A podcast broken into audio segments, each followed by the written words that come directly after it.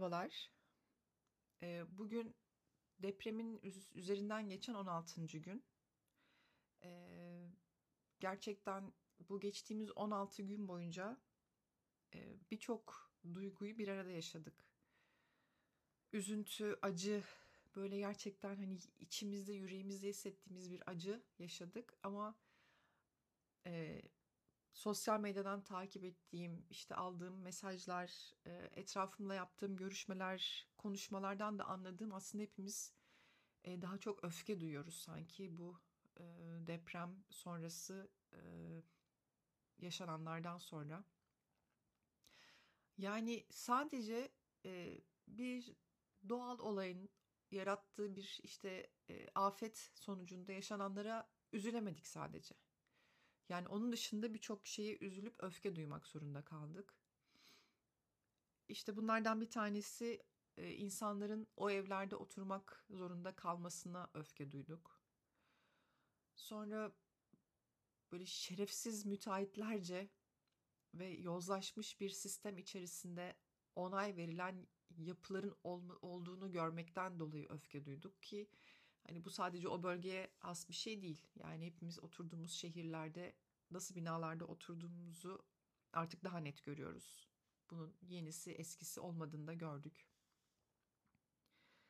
Onun dışında yani üç kuruş kar etmek için insanların neler yapabileceğini de görmüş olduk.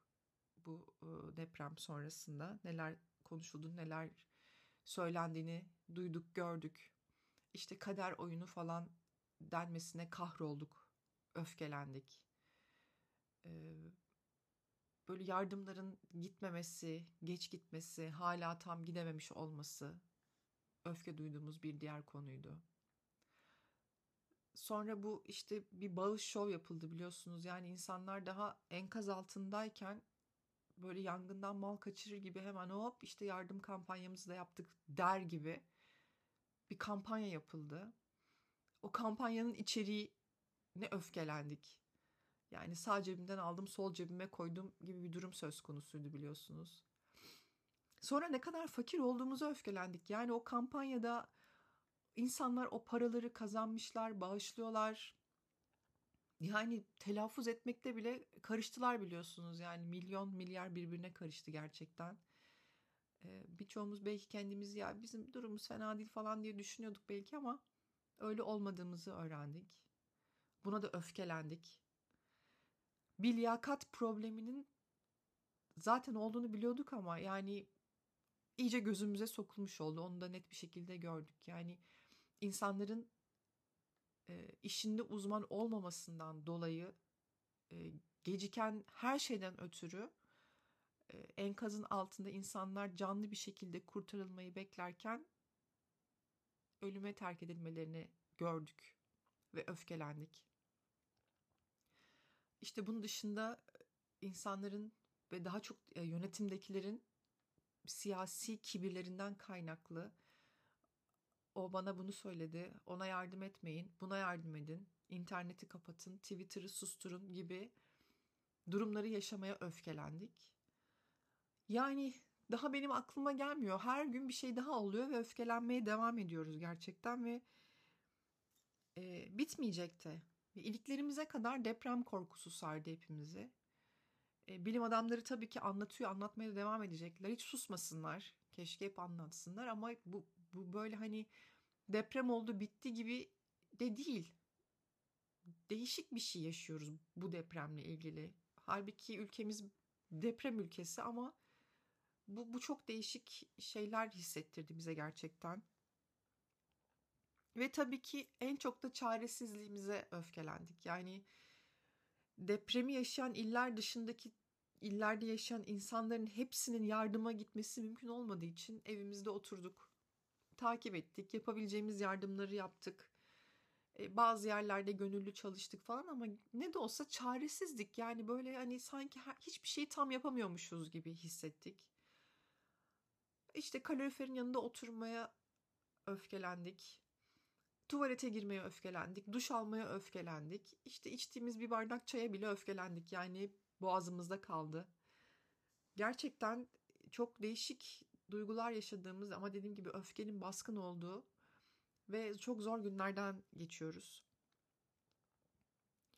Ee, ve bence benim gibi düşünen insanlar da çoktur diye zaten bu podcast'i de biraz da bu amaçla yapıyorum. Ee, en çok da çocukların, kadınların ve dezavantajlı insanların depremzede olarak yaşadıklarını gördükçe daha çok öfkelendik. Evet ne yazık ki depremzede olarak çocuklar ve kadınlar diğer herkesten daha çok zorlanıyor ve daha güç bir yaşam mücadelesi veriyorlar. E, bu podcast'te de bu konuyu ele almak istedim. Sadece bu depreme özel değil, sadece bir depreme de özel değil. Aslında yaşanan tüm doğal afetlerden sonra e, kadınların yaşadıkları zorluklar, çocuklarıyla, bakım verdikleriyle beraber yaşadıkları zorluklar, yapılan araştırmaların sonuçları, hatta e, gerçek depremzedelerle yapılmış e, mülakatlar, görüşmeler ve onların verdikleri cevaplar üzerinden biraz değerlendirmek istedim. Ve tabii ki kadınların e, depremzede olarak erkeklerden daha farklı bir şey yaşamaması için neler yapılmalı? Biraz da onlardan bahsetmek istedim. Şimdi isterseniz başlayalım. Depremlerden ya aslında daha doğrusu afetlerden sonra diyelim. E, bedensel ve ruhsal bakımdan en çok kadınlar etkileniyor ne yazık ki. Kadınlar afet süreçlerinde e, güvenlikten sağlığa birçok sorunla karşı karşıya kalıyor ve afetlerden etkilenme dereceleri de yaşadıkları ortam, almış oldukları eğitim, aile yapısı, e, yakın çevrenin bilgi düzeyi gibi çeşitli etmenler etmenlere göre de değişiyor e, bu etkilenme dereceleri. E, bir de toplumsal cinsiyet eşitsizliği de üstüne eklenince durum gerçekten daha da zor oluyor kadınlar için.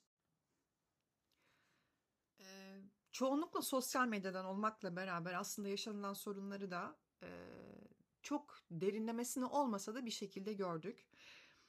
Yaşanılan sorunların başında güvenlik sorunu geliyor. Sadece bu deprem için değil aslında tüm afetler için kadınların yaşadığı en büyük sorun güven problemi. Yapılan araştırmalar afet sonrası süreçte kadınların taciz, tecavüz, sözlü ve fiziksel şiddete maruz kaldığını gösteriyor. Ne yazık ki böyle. Kadınların en çok yaşadığı bir diğer sorun ise psikolojik sorunlar. Afet sonrası süreçte travma, uyku bozuklukları, stres ve saldırgan tutum kadınlar arasında en çok görülen psikolojik sorunların e, arasında yer alıyor.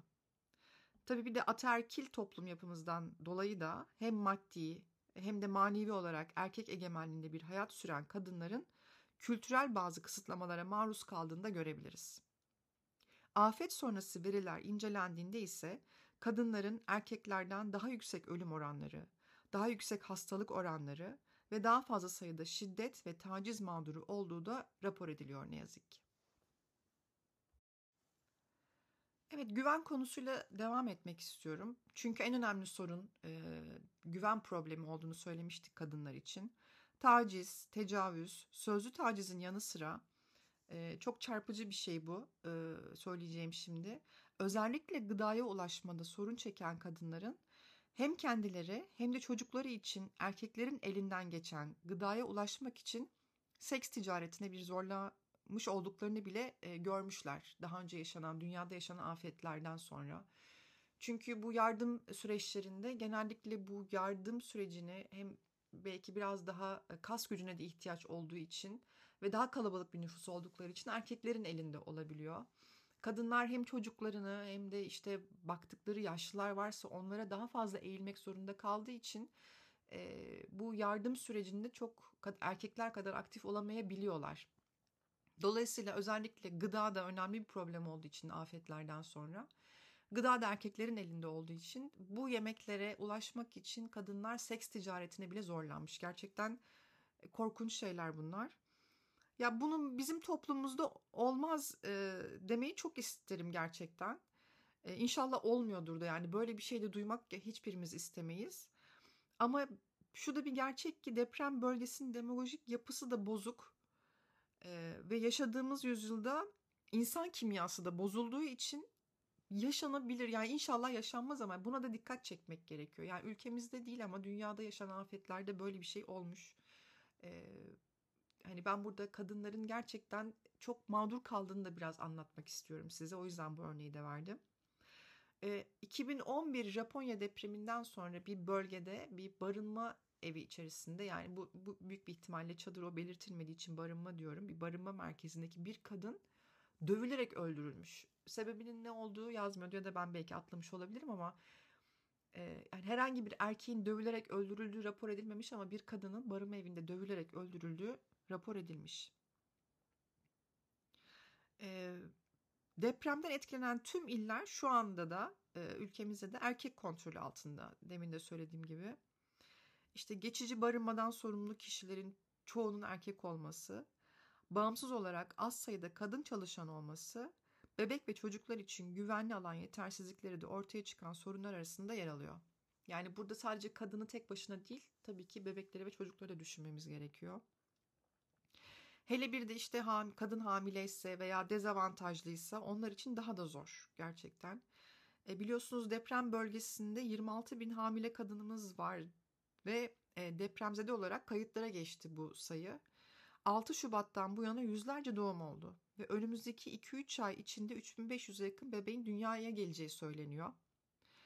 Barınmanın çadırda olması veya ortak kullanılan konteyner alanlarında olması kadınlar için hala çok sıkıntılı. Eski depremlere göre yapılan araştırmalar özellikle dezavantajlı kadınların bir süre sonra yıkık dökük de olsa evlerine girmek zorunda kaldıklarını bile göstermiş. İşte neden ihtiyaç duyuyorlar? Çünkü ya tekerlekli sandalye ihtiyaçları var ya da tıbbi erişim konusunda bir yetersizlik var veya ihtiyaçlarının tam anlaşılamamış olması nedeniyle yıkık dökük evlerine girmek zorunda kalıyor. Özellikle dezavantajlı kişiler ve kadınlar ağırlıklı olmakla beraber. Hele doğuma tekrar dön yani hamile kadına tekrar dönmek istiyorum. Hele ki doğum yapan bir kadının daha mahrem ortamlara ve daha hijyenik ortamlara ihtiyacı varken e, bunun bile kısa zamanda sağlanamadığını hala bile bugün 16. gün hala bile işte çadır istiyoruz e, diyorlar. Yani bir çadır bile yokken e, doğum yapmış bir kadının bebeğiyle e, mahrem bir e, ortama gittiğini, e, döndüğünü söyleyemiyoruz bile ne yazık ki. Oysa hem güven hem de e, mahremiyet açısından gerçekten kadınların e, çok acil bir şekilde e, yapılacak e, bir organizasyon ihtiyaçları var deprem bölgesinde. Hem mahremiyet hem hijyen demiştim. Ya hijyen demişken e, o da ayrı bir konu gerçekten. Bu depremden sonra yaşadığımız ve diğer dünyadaki tüm afetlerden sonra yaşanan önemli konulardan biri. Kadınlar açısından hijyenik bir ortam. Yani ülkemize geri dönelim ülkemde hemen her şeyin kadın ve erkek olarak ayrı olduğunu görürüz. İşte mescitler öyledir mesela. İşte kadına özel spor salonları vardır. Kuaförler ayrıdır. Ya oturduğumuz sitenin atıyorum havuzu bile kadın havuzu erkek havuzu diye ayrı olabiliyor gerçekten.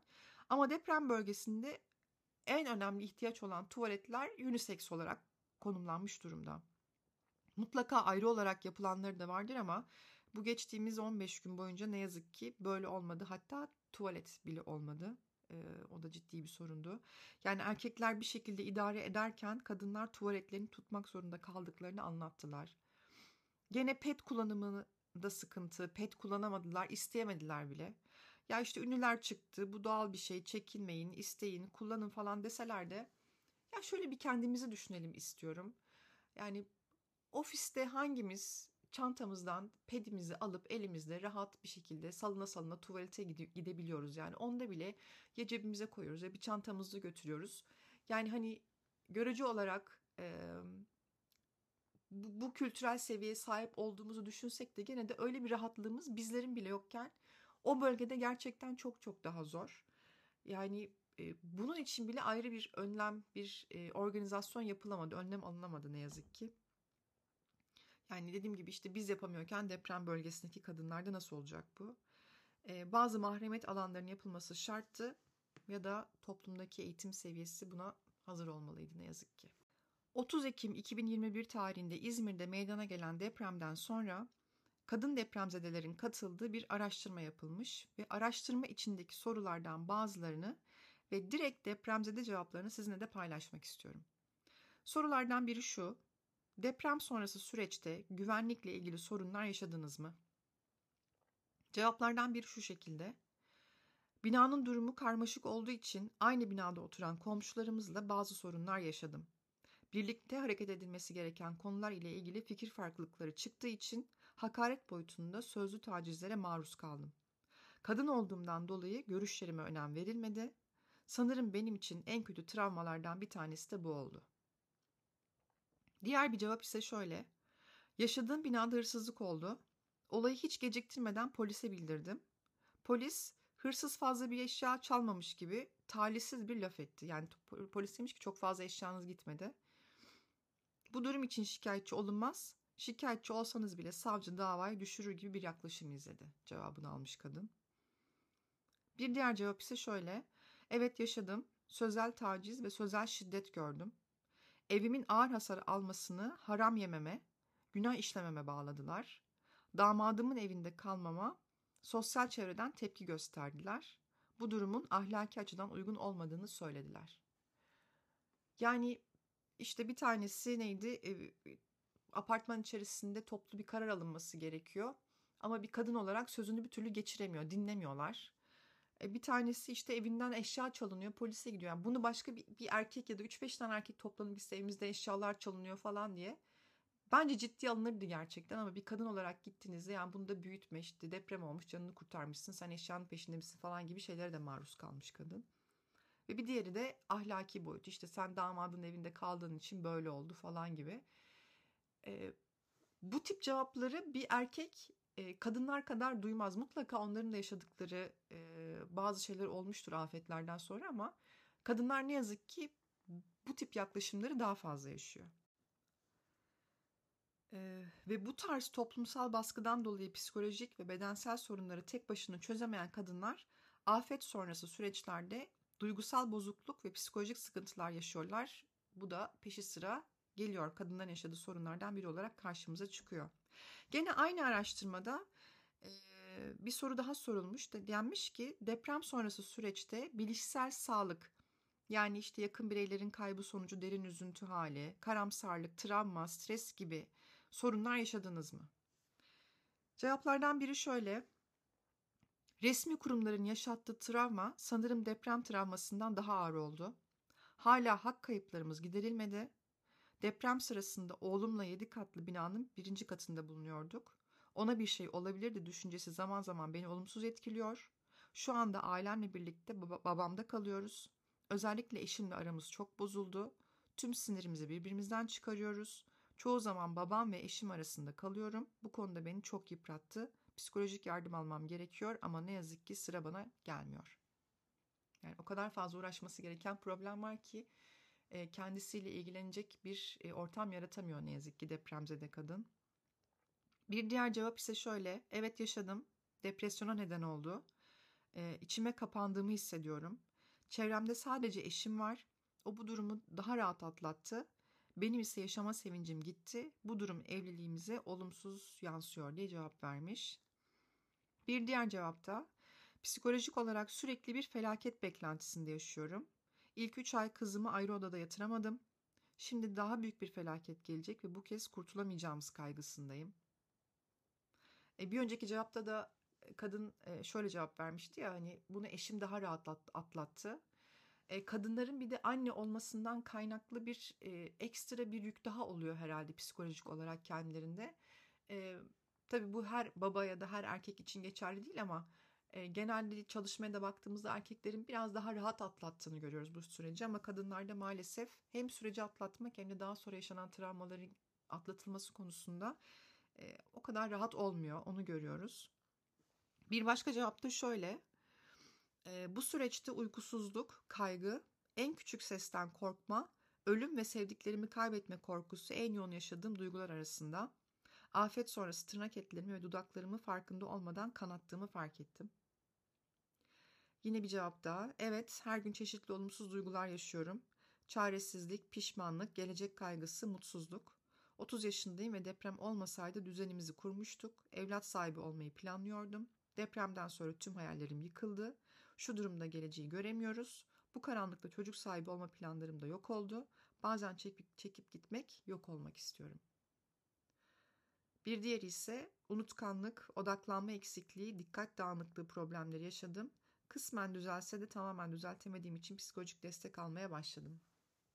Evet, kadınlarda bu gelecek kaygısı, e, hayattan keyif alamama e, durumu, yani depresif sorunlar e, erkeklere göre biraz daha fazla kendini göstermiş durumda. İzmir depreminden sonra böyle ise yani bu bir afet olduğuna göre her afetten sonra kadınlarda bu tip durumların olma olasılığı erkeklere göre biraz daha yüksek. Bunu görebiliyoruz. Baş edilmesi gerçekten çok zor süreçler ne yazık ki. Ee, şimdi bir de tabii e, hani bu işte enkaz kaldırılmaları falan bittikten ve şehirler yeniden kurulmaya başlandıktan sonra bir de istihdam sorunları başlayacak. Ee, yani daha önceki afetlerde de olmuş. Bu depremi yaşayan 10 ilimizde de olacak. Zaten göçler de başladığı için aslında Türkiye'nin büyük bir kısmında etkileyecek bu istihdam problemi. Kadınlar zaten politik, sosyal ve ekonomik olarak dezavantajlı konumda oldukları için bu afetten de orantısız, orantısız olarak olumsuz etkilenecekler. Diğer dünyadaki tüm afetlerde böyle de olduğu için de söylüyorum bunu. E, kayıt dışı istihdam ve gelir eşitsizliği zaten vardı. Onlar da artacaklar kadınlar e, açısından. E, en azından eski afetlerin sonrasında yapılan araştırmalar bunu gösteriyor. İyileştirme ve yeniden yapılanma süreci ilerledikçe yani şehirler yeniden kurulmaya başladıkça etkilenen bölgelerdeki kadınlar zorlu bir istihdamla karşı karşıya kalacaklar. Umarım gerçekten bunu gönülden diliyorum hepimiz de öyle diliyoruzdur. Bu iyileştirme ve yeniden yapılandırma süreçlerinde kadınlar, kadınların söyleyecekleri, sivil toplum örgütleri veya işte kadın hakları örgütleri olayın dışında bırakılmazlar ve böyle topyekün oraya bir ev yapalım, şuraya bir ev yapalım falan gibi bir inşaat e, serüveniyle karşı karşıya kalmayız. Bunu gerçekten yürekten diliyorum. Tabii bu istihdam ve iş konularında depremzede kadınların yaşadığı bu sefer idari sorunları da pekiştiriyor. Yine araştırmanın içerisinde böyle bir soru da vardı. Başka problemler, yaşadığınız problemler ne diye sorulduğunda idari ile ilgili e, yaşanan problemleri de söylemişler. Mesela bir kişi demiş ki evimizin yeniden inşası e, konusunda Yalnız kaldık. Yetkililer net bilgi vermiyor. Yardımlar maalesef ya gelmedi ya da az miktarda ya da çok geç geldi. Bir başka cevap bürokrasi yaşandı. Her konu için belki 7-8 kere dilekçe verildi. Bir de konulara hakim memur sayısı çok azdı. İdari konuları ek olarak sigorta yönünden de sıkıntılar yaşadık diye cevap vermiş. Bir diğer depremzede kadın cevabı ise daha sıktan bir hayal kırıklığı yaşattı. Deprem zararımı vermedi.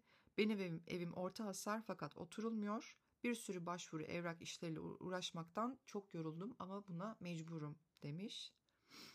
Ve yine başka bir cevapta evimiz yıkıldığı halde zorunlu deprem ve özel sigortamız zararımızı karşılamadı. Yani işin bir de bu tarafı var. Ee, bunu tabii kadın erkek herkes beraber yaşıyor ama eğer eşi yoksa, eşini kaybettiyse, yalnız bir kadınsa ve bir de çocuğu da varsa üstelik hani bütün bunlar üst üste geldiğinde bir kadın için bu tip bürokrasi işlemleriyle uğraşmak daha da zor olabiliyor.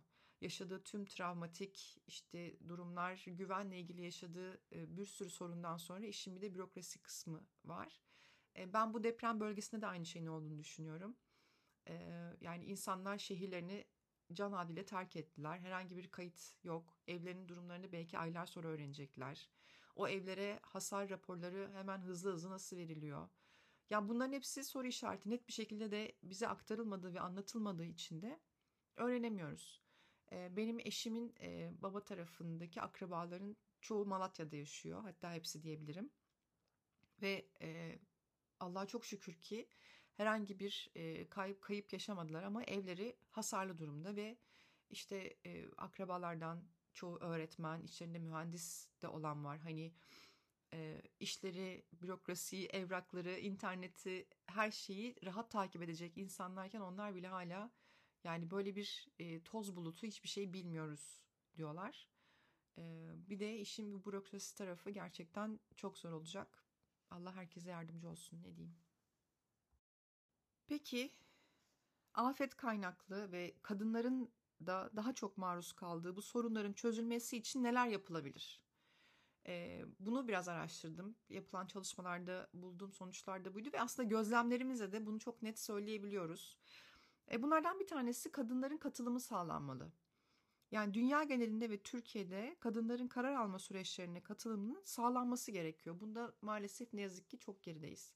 Hatta eski podcastlerimde görürsünüz Türkiye'de rakamlarla kadınlar diye bir e, podcast'te anlatmıştım. Yani kadınların iş hayatında işte e, devlet görevlerinde işte üst düzey e, görevlerde milletvekili sayısı olarak belediye başkanı olarak falan sayıların hala çok az olduğunu, çok az olduğunu görüyoruz. Dolayısıyla ne kadar fazla kadın özellikle bu tip doğal afetlerde yetkisi olan devlet işlerinde işte yerel yönetimlerde milletvekili olarak meclis içerisinde daha fazla olurlarsa e, karar alma süreçlerine ne kadar etki ederlerse bu yaşanan sorunların çok çok çok azalacağını düşünüyorum ben. Her ne kadar çok örneğini göremesek de bu böyle yani kadınlar bu görevlerde değiller ama ne kadar fazla bu görevlerde olurlarsa sorunların çözümünde o kadar fazla etkili olacaklardır. Katılım türlerinden olan ekonomik, siyasi, sosyal ve kentsel katılımın tam olarak sağlanması kadınların bu tip bu tip kriz anlarında yaşam kalitelerinin yükseltilmesinde kilit bir rol oynar. Bu bir araştırmada çıkan net bir cümleydi. Bunu sizle paylaşmak istedim. Kadınlar kamusal alanda daha fazla görünür hale gelmesiyle afetlerden kaynaklı sorunların tespit edilebilmesi ve bu sorunlara çözüm önerileri getirilmesi de kolaylaşır.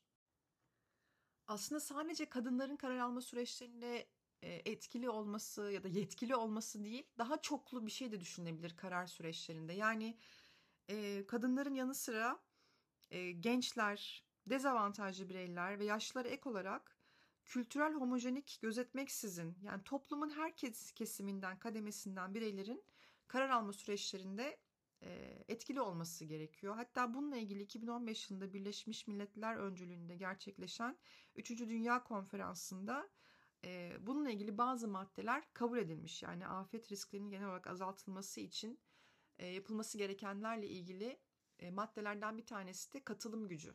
Yani hem çoklu katılım hem de kadınların katılım içerisinde karar alma süreçlerinde daha etkili olması ile ilgili bir maddede yer almış ama ülkemize ne kadar uygulandığını görmüş olduk aslında bu depremden sonra da bir kez daha.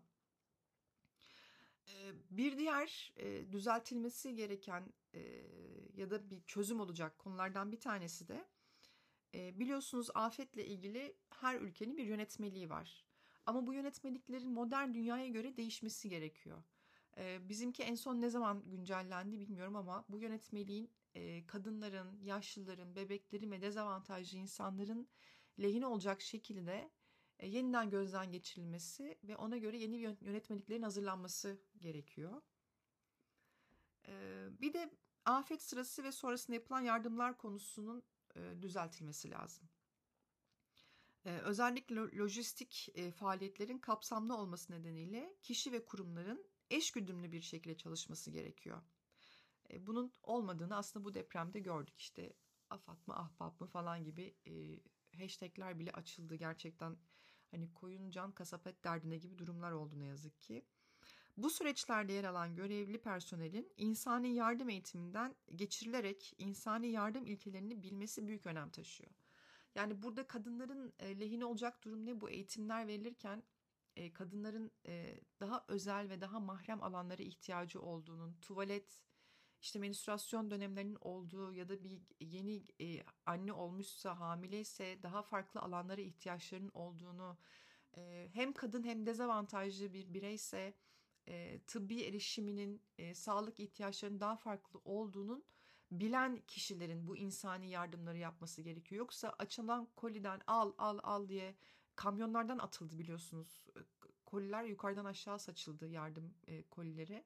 Böyle olmaması gerekiyor. Bunun için de tabii ki iyi bir koordinasyon yapılması gerekiyor ki bu koordinasyon yetersizliğini bu depremde gördük. O yüzden hani bu insani yardım eğitimlerinin de gerçekten yani bu bu insani yardım içerisinde çalışan personelin iyi eğitimlerden geçmiş olması gerekiyor. Ee, işte demin de söylediğim gibi cinsiyet eşitliği bakış açısına sahip olmaları gerekiyor. Gibi söyleyebilirim. Bir yandan araştırmaya bakıyorum da söylenebilecek başka bir şey var mı diye ona baktım. Bunun için bu diyeceklerim yeterli. Ve son olarak da eğitim konusu. Yani afete, herhangi bir afete ve depreme hazır olmakla ilgili bir eğitim.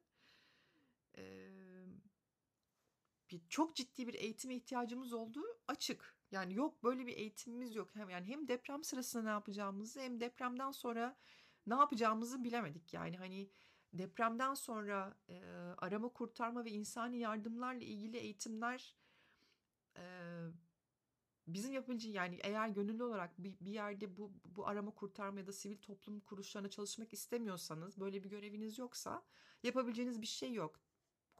Podcast'ın en başında söylediğim gibi liyakat sorunu olduğu için yani işini bilen uzman insanlar arama kurtarma yardım organizasyonlarının başına gelirse, gelirlerse aslında bir koordinasyon sorunu olmayacağı için hemen hemen e, devletin her e, kademesi işte asker, polis, arama kurtarma, sivil toplum örgütleri eşgüdümlü olarak afet bölgesine gidebilirler e, ve nizami ve düzenli bir şekilde yardımlarını yapabilirler.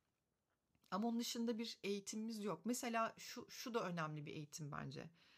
Ee, yani çömel, kapan, tutun gibi basit bir şey olmadığını bu depremde görmüş olduk biz. Zaten hani yapıların durumu e, müsait değilmiş. Ya. O da bir eğitim. Hani e, işte bu ilkokul mezunu müteahhitim şu kadar ev yaptım falan diye konuşuyorlar ya insanlar. Yani bu da bir eğitimin bir parçası aslında.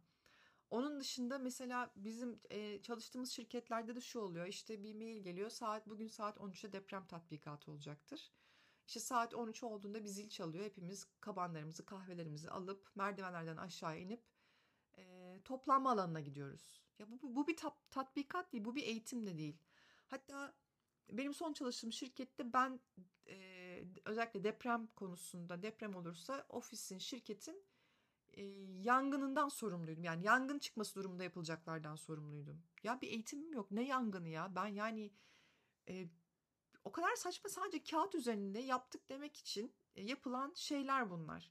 Hani e, müteahhitlerin e, daha doğrusu mühendislerin diplomalarını kiraladığı, herkesin her şeyi imza attığı yapı denetim sistemi var diye konuşuluyor ya bunlar gün yüzüne çıktı. Zaten biliyorduk da şimdi artık iyice gün yüzüne çıktı.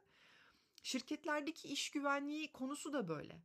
Yani 100, 120, 130 tane slide gönderiyorlar. Bu böyle, bu böyle olmalı falan gibi ama bu gerçek bir eğitim değil. Ya aslında bu eğitim bence ilkokuldan beri bilmemiz gereken bir eğitim yani. Deprem konusunu bilerek büyümeli çocuklar.